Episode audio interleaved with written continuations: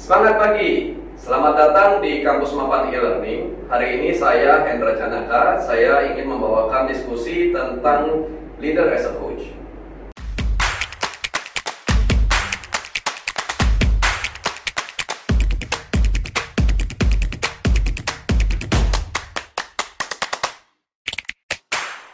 Apa itu Pak leader as coach? Nah, leader as a coach itu apa sih? Leader as a coach sebenarnya adalah sebuah mindset di mana seorang leader harus bertanggung jawab atau responsible terhadap capability dari timnya atau dari direct reportnya. Sesimpel itu sebenarnya. Nah, sebelum saya lanjutkan, saya ingin kita step back dulu.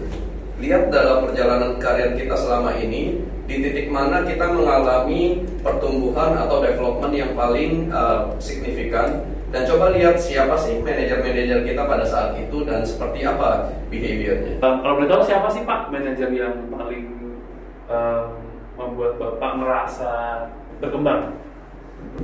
Nah, saya coba share dari pengalaman saya selama berkarir. Ada tiga manajer yang saya sangat bersyukur punya mereka di dalam perjalanan karir saya. Yang pertama, di awal karir saya, saya punya seorang manajer namanya Viet. Dia adalah seorang Vietnamese. Nah, di awal karir itu saya masih fresh dari kampus. Saya menangani uh, modern retail customer seperti Carrefour, Giant, dan sebagainya. Pada saat itu saya masih mentah dan memang butuh di grow secara technical skills. Nah, Viet ini model manager yang sangat casual, sangat uh, santai. Jadi kita banyak sekali berdiskusi bahkan di luar jam kantor. Kita sering keluar setelah kantor, makan, uh, dan pada saat itulah sebenarnya saya banyak di coaching atau diajari tentang technical skills. Bagaimana sih kita menjual ide, konsep kepada modern retail customer gitu. Nah, Selanjutnya ada titik di karir saya di mana saya mendapatkan assignment yang sangat berat pada saat itu, di mana saya harus berpindah negara dan juga harus menghandle beberapa negara sekaligus. Nah, itu adalah planning role, sehingga apa yang kita lakukan di planning role ini mempunyai implikasi yang sangat besar terhadap salesman yang ada di field. Kesalahan sedikit yang kita lakukan implikasinya adalah puluhan ribu orang akan terkena dampaknya. Saat itu saya punya manajer namanya Jin Giso, seorang Indonesian dia sangat smart, sangat perfeksionis, sangat detail oriented. Kita sebagai timnya harus selalu operate at peak, tidak ada room for error sama sekali. Nah, development yang saya dapatkan justru terjadi pada saat interaksi saya sehari-hari pada saat mengerjakan tugas ini bersama manajer saya. Jadi mengikuti pace dia, mengikuti uh, dia yang sangat perfeksionis, mengikuti dia yang sangat detail, yang selalu perform peak. Inilah saat di mana saya merasakan developmentnya sangat painful. Tetapi setelah saya melihat balik pada masa ini, saya melihat bahwa titik-titik itu justru adalah titik-titik di saat mindset dan behavior saya dibentuk sampai saat ini. Nah, manajer yang ketiga yang pasti teman-teman sudah tahu adalah Cap Aldi. Dengan Cap Aldi diskusinya lebih berbeda lagi. Jadi saya banyak pergi diskusi tentang organization, tentang culture, tentang leadership. Karena itulah skill yang saat itu saya butuhkan, mengingat saya perlu memimpin organisasi yang begitu besar di tim sales dan marketing pada saat itu.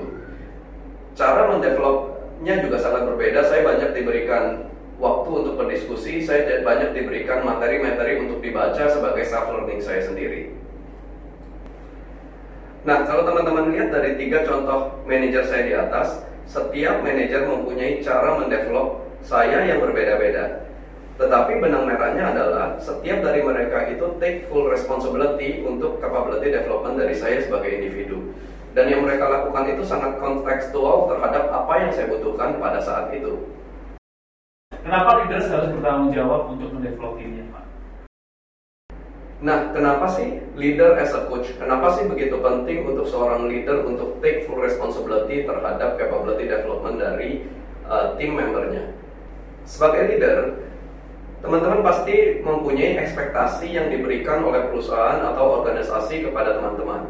Nah, sebagai leader, output yang dihasilkan atau result yang dihasilkan teman-teman adalah result dari tim yang teman-teman pimpin. Karena itu, mendevelop tim dari teman-teman sebagai leader akan sangat bermanfaat buat timnya, tapi juga sangat bermanfaat untuk teman-teman sebagai leader untuk mencapai hasil yang optimal.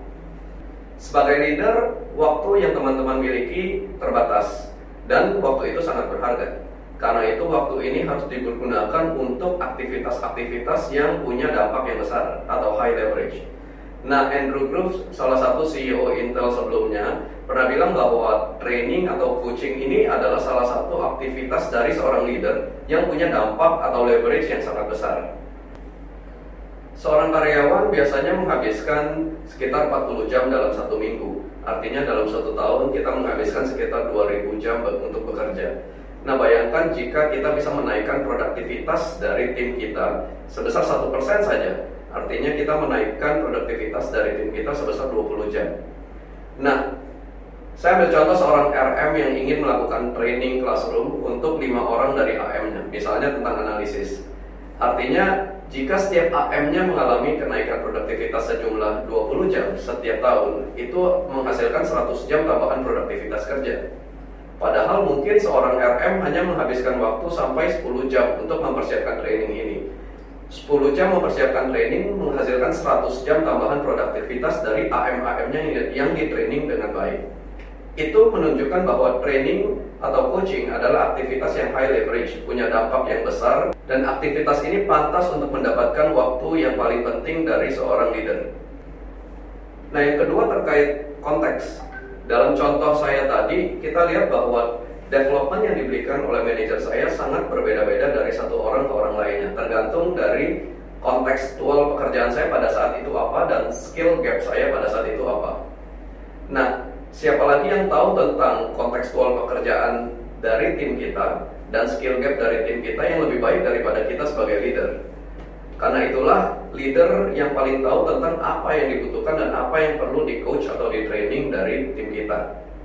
Nah, saya sebaliknya saya juga sering melihat banyak orang dimasukkan ke dalam satu ruangan untuk dilakukan training, padahal orang-orang ini punya pekerjaan yang mungkin sudah berbeda-beda dan skill levelnya sudah berbeda-beda.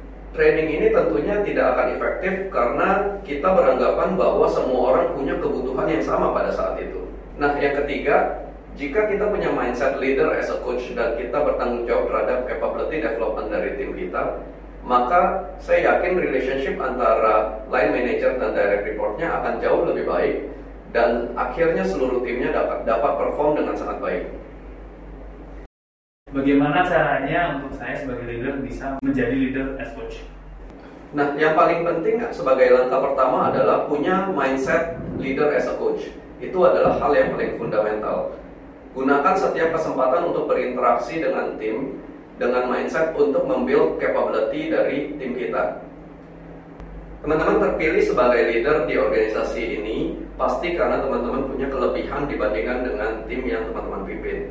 Karena itu jangan ragu, confidence saja uh, pastikan gunakan setiap kesempatan yang teman-teman miliki untuk berinteraksi dengan tim teman-teman untuk melakukan capability building sehingga nantinya capability dari tim teman-teman bisa jauh lebih baik.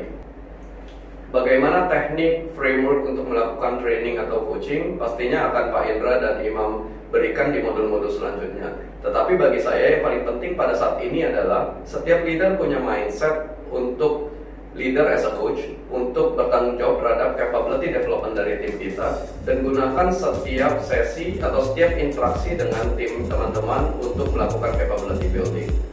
Semangat pagi!